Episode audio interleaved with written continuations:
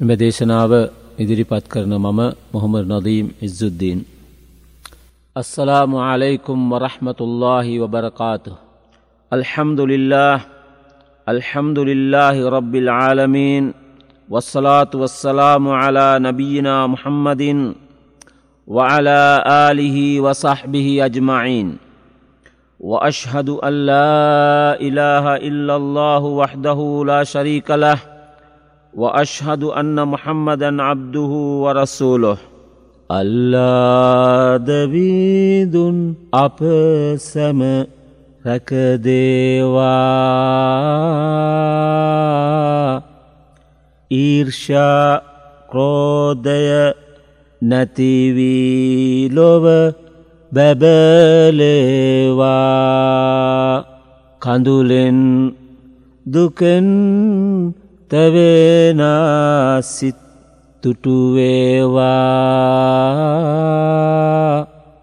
අප හදවත් මෙත්සිතින් පිබිදේවා. සහෝදර සහෝදරයනී දරුවනී තරුණයිනී ඉස්ලාම් ධර්මය විසින් දේශනා කරන ලද ධර්මය මොහමන බිසල්له වලි වසල්ලම් තුමානන් විසින් දේශනා කරන දේවල් කොටස් දෙකකින් සමන් විතයි.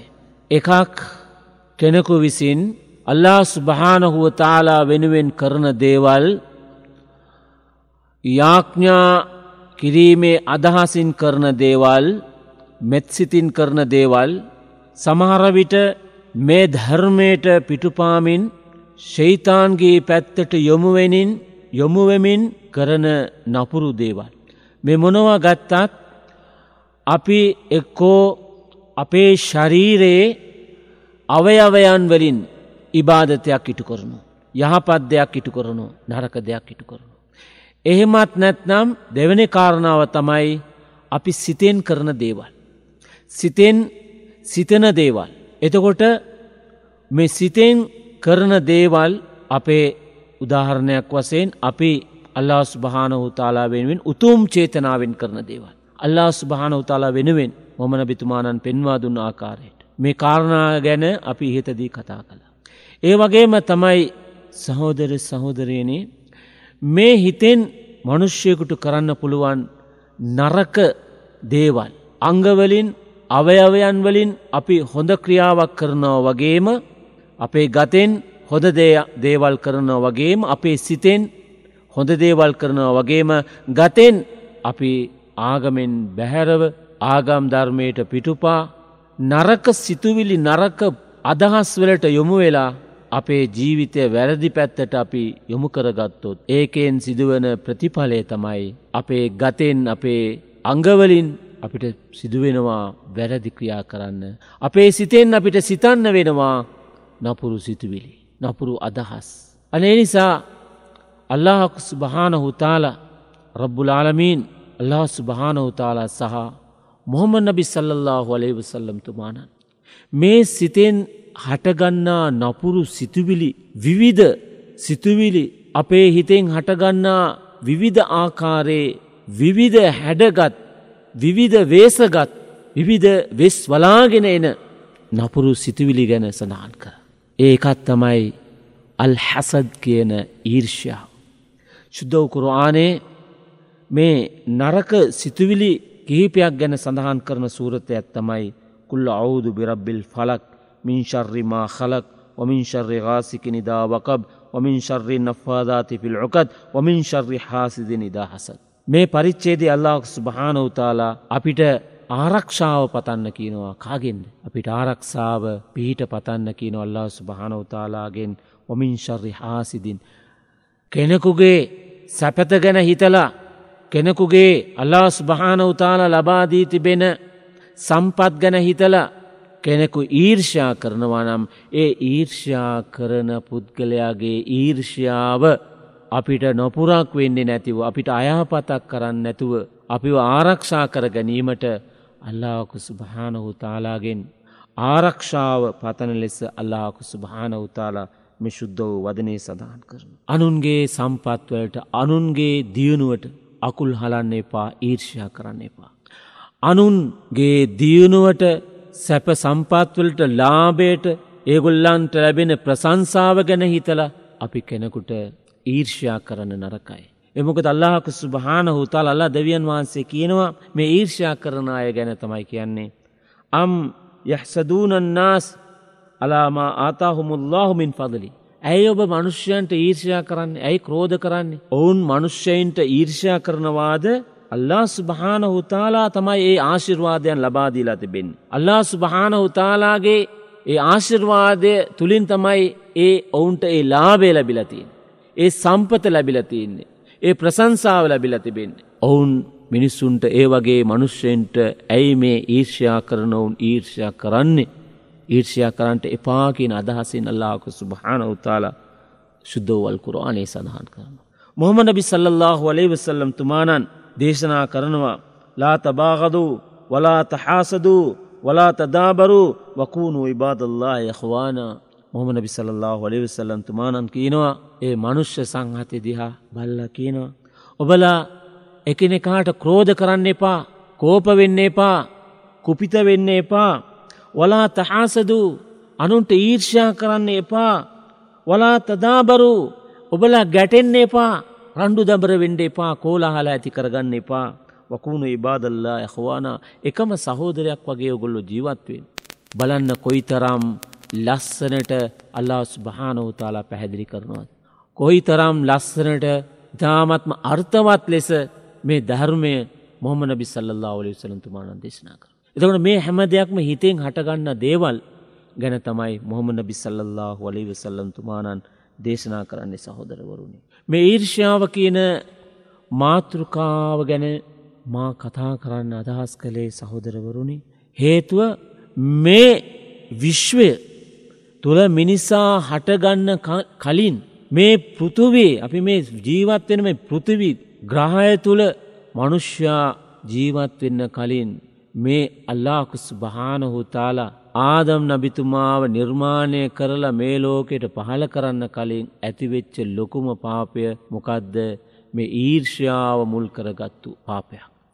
අල්ලා සුභාන උතාලා අපි දන්නවා මේ ඉබ්ලිස්ට විශාල වැදගත් ඉහල ස්ථානයක් ප්‍රඥාවෙන් වැඩි නිසා ඉහල ස්ථානයක් ලබා දුන්න. නමුත් ආදම් අල ඉස්ලාතු වස්සලාම් තුමානන්ව නිර්මාණය කළ අවස්ථාවේදී අල්ලාකුස් භාන උතාලා ආදම් නිර්මාණය කරනවා.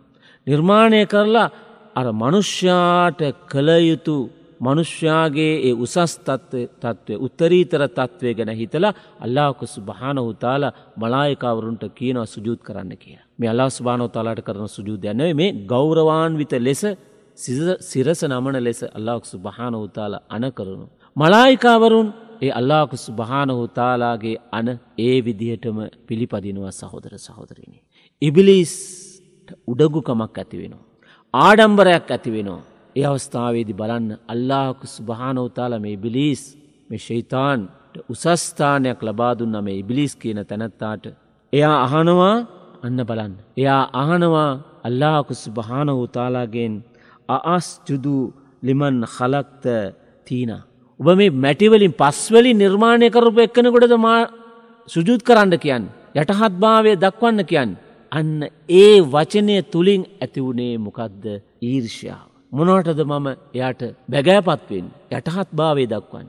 මේක අල්ලාකස් භානහු තාලා මේ මනුෂ්‍යයාගේ විනාසයට සිදුවෙන දේවල් කලින්ම දැනුන් දෙනවා පෙරනිමිත්තක් වශයෙන්. මේ ආයතය සඳහම් වෙන්නේ සූරත් ලෙස්රා කියන හැට එක්වන පරිච්චේදය.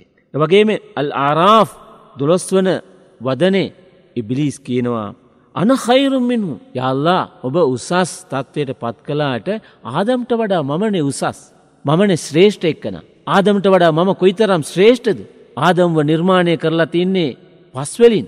නමුත් ඇයි මම ඔහුට යටහත් භාවය දක්වන්ට ඕනන් බලන්න කොතනින්ද මේ ඊර්ෂාව පට හටගන්න? මනුෂ්‍යා මේ ලෝකයේ බිහිවෙන්න කලින් අල්ලාකු සුභානෝතාලා විසින් මිනිසා තුළ දැකපු මූලික පළමු ඒ ගුණාන්ගේ තමයි ඒ මිනිසා තුළ දැකපු මූලික ආරම්භ ඒ පහත් ගුණාන්ගේ තමයි මේ ඊර්ෂාව කළ කිය. ශෛතාන් කියනවා අල්ලා ස්භානව තල කියනවා මම ආදම්වට ගෞරවනීය ස්ථානයක් ලබාදිලා තියෙනවා. ආදම් කියනවා අල් ඉස්රා කියන හැට දෙවන පරිච්චේදේ සඳන් කෙනවා. හාදල්ලදී කරම්ත අලයි මට වඩා මට වඩා ඉහළ තත්ත්වයට පත් කලා තියෙන මෙයාවද මෙ ආදම්ද එතොටම ඉබ්ලිස් මමනේ උසස් මේ හැම දෙයක්ම ඇති වුණේ උඩංගුව නිසා. දැන් අපි කියන්නේ සමහරය ඉදිමෙනෝ ටිකක් තනතුරක් අධ්‍යාපනෙන් උසස්ථානයක් එවගේම තමන්ගේ පවුල ඉහලයි කියල හිතනාය තමන් සුදුයි ඒ අය කලුයි කියල හිතනාය මට උපාධයක් තිබෙනවා. එවයන්ට උපාධයක් නැහැ. මම අහවල් අහවල් තනතුරවල ඉන්නේ. ඒ නිසා මම උසස්. ඒ අය පහත් කියන ඒ උඩංගුකමයිනු මේක තමයි අල්ලා ස්භානෝ තල මනුෂ්‍යයට කැන මේක ශෛත නපුරු සිතුවිලිවලින් පහත් අදහස්වලින් නීච අදහස්වලින් එන දේවල් තමයි මේ උඩංගු භාවය කෙලකයන්. ඒ උඩංගුකම ආවාහම මේ ශෛතන්ට වඩ කෝපයක් ඇතින එතකොට අල්ලාක්සු භානහු තාලාට ස්තුති කරන්නේ නැතුව. අල්ලාකුසු භානෝතර ඒ බිලිස්ට ලබාදීපු සෑම ආශිර්වාදයක්ම අමතක කරලා. ඒ උඩංගු භාවය නිසා ඒ ශෛතාන් කියනවා මම ආදම්ට වඩා උසස් කියලා. මේක සුද්දෝ වල්කුරආනය පුරාවටම අපි කියවන්නකොට අල්ලා ස්භානවතාලා මේ මිනිස්සත්වට කොයි තරම් ආශිර්වාද කරනවාද. අල්ලා ස්භානවතාලා මිනිස්සාාව මේ නපුරු සිතුවලිවලින් පහත් අදහස්වලින් මිනිස්සාාව ආරක්ෂා කරගන්නට කොයිස් තරම් උත්සා කරලා තියෙනවාද කියලා මේ ශුද්ධවල්කුර ආනය මුල සිට අගදක්වත් අග සිට මුලදක්වත් කියනකොට සහෝදරවරණය අපිට තේරෙනවා. අපි දන්නවා තවත් විශේෂ සිදුවීමක් ඉස්ලාම් මේ කුරආනයේ එන ඉතිහාස ගත ඓතිහාසික ඉතිහාස ගත සිදුවීමක් යුසුප් අල ඉස්ලාතු වස්ලාම් යුසුප් නබිගේ කතන්දරේ. යුසුප් නබ්බීතුමා අනන්ත අප්‍රමාණ අභියෝගවලට කරදරවලට ප්‍රශ්නවලට මුහුණදීපු යුසුප් නබිතුමාගේ කතාව ඉතාමත්ම ලස්සනට කියන. ඒ නබිතුමාගේ කතාව පුරාවටම යවකු බල ඉස්ලාතු වස්ලාම් තුමානන්ගේ පුත්‍රරත්නය වූ යුසු පල ඉස්ලාතු වස්සලාම් තුමානන්ගේ කතාව. හරිම දුක් බරයි. යුසු පල ඉස්ලාතු වස්ලාම් තුමානන්ගේ ජීවිතයටම බලපෑවේ එගොල්ලන්ගේ සහෝදරයන් යුසු පල ඉස්ලාත්තු වස්ලාම් තුමානන්ට කරපු ඒ ඊර්ෂා එයට ඊර්ෂයා කරන්න පටන් ගත්තා ක්‍රෝධය කරන්න පටන් ගත්තා. මොකක්ද වනේ යවකු බල ඉස්ලාතු වස්ලාම් තුමානන්ගේ බාලපුත්‍රයෙක් යුසු පල ඉස්ලාතු වස්ලාම්. වැඩිමහල් සහෝදරයෝ කල්පනා කරා තාත්තා අපිට ආදරය කරනවට වඩා අප මගේ අපේ මල්ලි යූසුප්ට නේද ආදරය කරන්නේ. එයාව නේද හැමදේකටම ලං කරන්නේ. අන්න ශෛතාන් නපුරු අදහසක් නපුරු සිතිවිල්ලක් අර යුසු පලයිස්ලාතු වස්ලාම් තුමානන්ගේ සහෝදරන්ගේ සිස් සතන් තුළ ඇති කළ. අපි දන්න යුසු පලයිස්ලාතු වස්ලාම් කෙසේ වෙතත් යකු බලයිස්ලාතු වස්ලාම් තුමානන්ගේ අනිත් පුත්‍රන්ට වඩා පිරිණු රූපයක් තිබුණේ. පිරිච්ච ශරීරයක් තිබුණේ. උත්තුංග ශරීරයක් ලස්සන ශරීරයක් ලස්සන මුහුණක් ඔරුව ලස්සනයි. නමුත් යවකු බලස්ලාතු වසලාම් තුමනන් පියාණන් හැමෝට මාදරය කළ. නමුත් යවකු බලස්ලාතු වසලාම් තුමානන්ට ඉවතුබුණා පෙරනිමුතු දැක්කා මේ යුසුප් අලිස්ලාතු වස්සලාම් තුමානන්ට කවදහරි කරදයක් ඇතිවේ. විවිධ අභියෝගවලට මුහුණ සිද්ධ දීමට සිදුවේ. අනේ නිසා දවසක් මේ සහෝදරවරුන් තමන්ගේ සහෝදරයා වූ යුසු ෆලයිස්ලාතු වස්ලාම් තුමානන්ට නපුරු ක්‍රියාවක් කරන්නට වැරදි දෙයක් කරන්නට යාට අහිතක් කරන්නට හිතනවා. මෙගුල්ල එකතු වෙලා කල්පනා කරනවා තාත්තා වාක් ලං කරන්නේ යුසු පලයිස්රාතු වස්ලාම් තුමානන්ව මේ යුසු මල්ලිව අපි මෙයාව නැත්තටම නැති කරලදා. එකම මාර්ගය මේකට එකම විසඳුව මොකක්ද යුසුගේ ජීවිතය විනාස කරන්න ඕන. මෙයාව කැලෑවට එක් අයන්ඩුවට. දැම්මොකද කියන්නේ තාත්තගාවට සහෝදරය ඇවිල්ලක් කියනවා ඇයි තාත්තේ මේ යුසුප් මල්ලි හැම දාම ගෙදර තියාගෙනන්නේ අපිත් එක සෙල්ලං කරන්න වන්නේ. ඒ තාත්ත මුලදි බෑ කියනවා.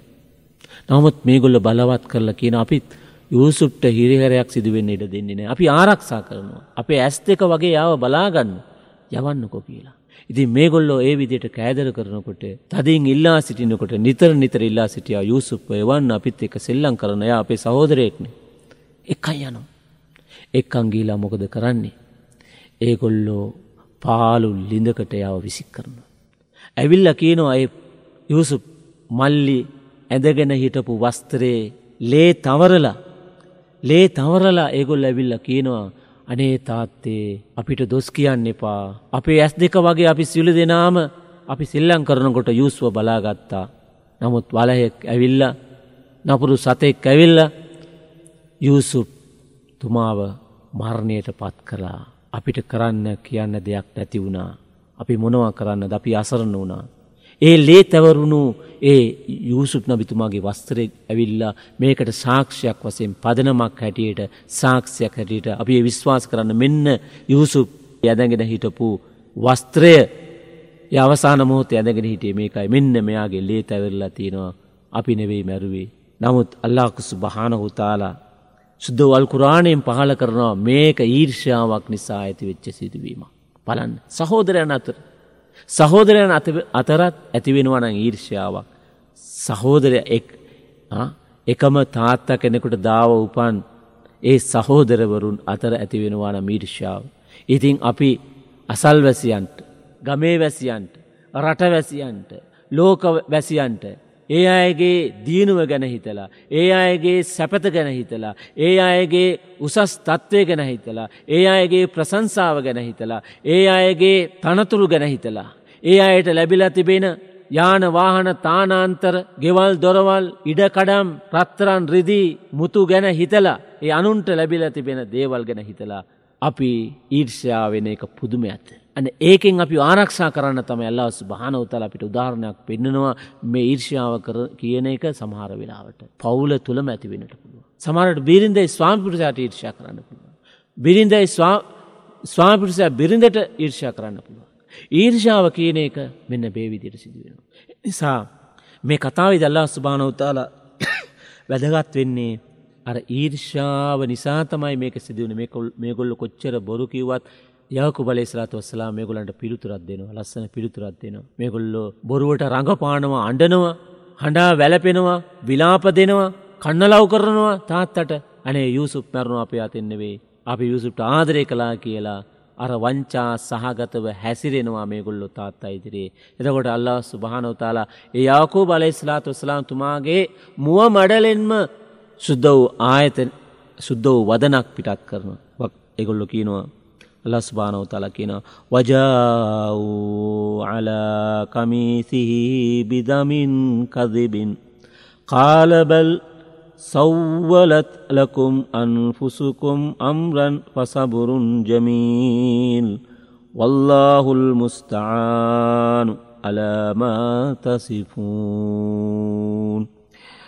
යුසුප් තුමා ඇඳගෙන සිටි ඇඳුම් කට්ටලයෙහි ලේ තවරා බොරුවට ලේ තවරා මේ සාපරාධිත සහෝදරයෝ සිය පියාණන් අභියස පෙනී සිටියන පෙනි සිටිනෝ පෙන්න්නනවා මේක. මෙන්න යුසුප් මැරුණයි කියලා. එතකොට යුසුප්ගේ තාත්තා කියනවා මේගොල්ලන්ගේ තාත්තා කියනවා කාලබල් සව්වලත්ලකුම් අන්ෆුසුකුම් තමත්ම ලස්සනයි. මේකේ අර්ථය ඉතාමත්ම ලස්සනයි. යුසුප් නබගේ පුත තාත්තා කියනවා. කලබල වනේ නෑ කෝපේට පත් වනේ නෑ උඩඟ වනේ නෑ ක්‍රෝධ වනේ නෑ ගැටුනේ නෑ මේගුල්ලන්ත එක්ක. දවේශයට පත් වනේ නෑ බලන්.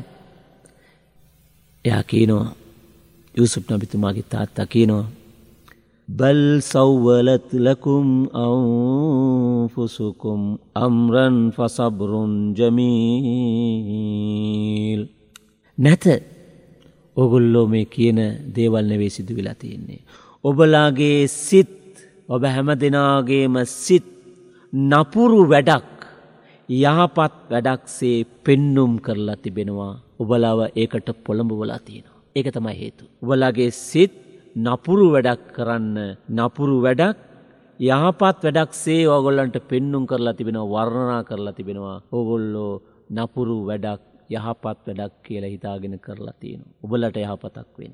එබැවින් එය කියනවා දැම්මට අවශ්‍ය වෙන්නේ. එබැවින් මෙම අවස්ථාවදි මට අවශ්‍ය වන එකමදේ ඉවසීමෙන් තාමත්ම අලංකාර සබරුන් ජමීල් අලංකාර විදිහට ඉවසීමෙන් පසුවීමයි. ඒකම කියනවා දරුවනි ඔබලා මේ කියන කාරණාව සම්බන්ධයෙන් අල්ලාස් භානෝතාලා උදව්පකාරය කළ යුතු කෙනෙකි. ය තමයි දැම්මට උදව් කරන්නති වෙන කවරුත්නේ යුසු පල ස්ලාතු වසලාම්තුමා මැරුණි නෑ. නමුත් මේ ඊර්ෂාව නිසා ඇතිවෙච්ච පාඩුවමොකක්ද යුසු නබිතුමා අර ලිඳේ ඉන්නකොට තවත් වෙළඳ ව්‍යාපාරයේ ගමන් කරමින් සිටි කෙනෙකු ඒ අය බේරගන්නවා. නමුත් මේකේ වෙච්ච තවත් දරුණුම දරුණුතම කාරණාවත්තමයි යුසුප් නබිතුමාට සහ තමන්ගේ පියාණන් අතර අවුරුදු හතලයක් සම්බඳතාව ඇතිබුණේ අවුරුදු හතලයක්. එතකට හේතුමකක්ද ඊර්ෂා. හේතුමකක්ද ඊර්ෂාව. එනිසා සහෝදර සහෝදරයනේ.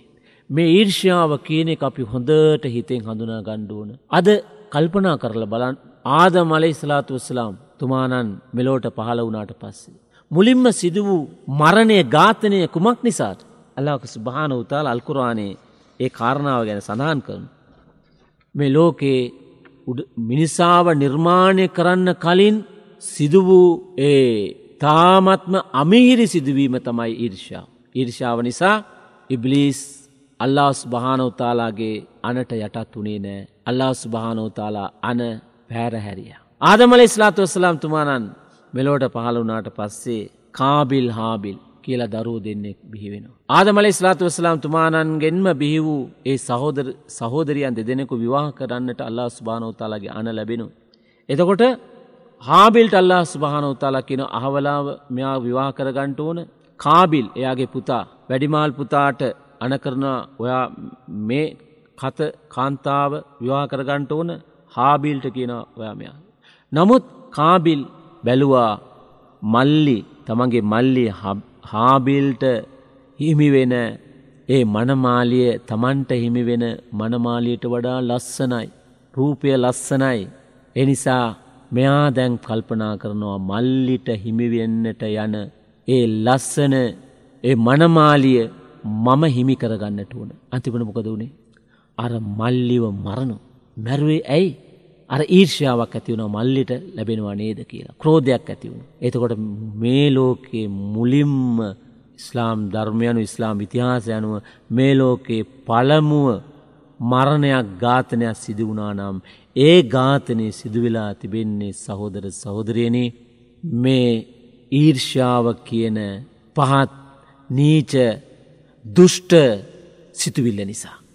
එනිසා අල්ලාක ස්භානවතාලා අපෝ මේ ඊර්ෂාවෙන් ආරක්ෂා කරන්නට ඕන. මේ ඊර්ෂාව පිළිබඳ දෙවන කොටස ඉංශා අල්ලා ලබන සතියේදී ඔබලට දේශනා කිරීමට බලාපොරොත්තු වෙනවා. ඔබ සිරු දෙනාම අල්ලා ස්භාන උතාලාගේ නිතර නිතර දවා කරන තමන්ගේ සිත පිරිසුදු කරන්න කියලා. අල්ලාක ස්භාන උතාලා අපිට කියන අපේ හිත පිරිසුදු කරන්නට මොම නබි සල්ලා ඔලි සලතුමාන නිතර නිතර දවා කළේ එමකද හුඟාක් වෙලාවට අප අල්ලා ස්භාන උතලත් එක්ක සම්බන්ධ වෙන්නේ අපේ මේ සිත් සතන් තුළින්. හිතෙන් තමයි මේ හැම චේතනාවක්ම ඇතිවෙන්නේ.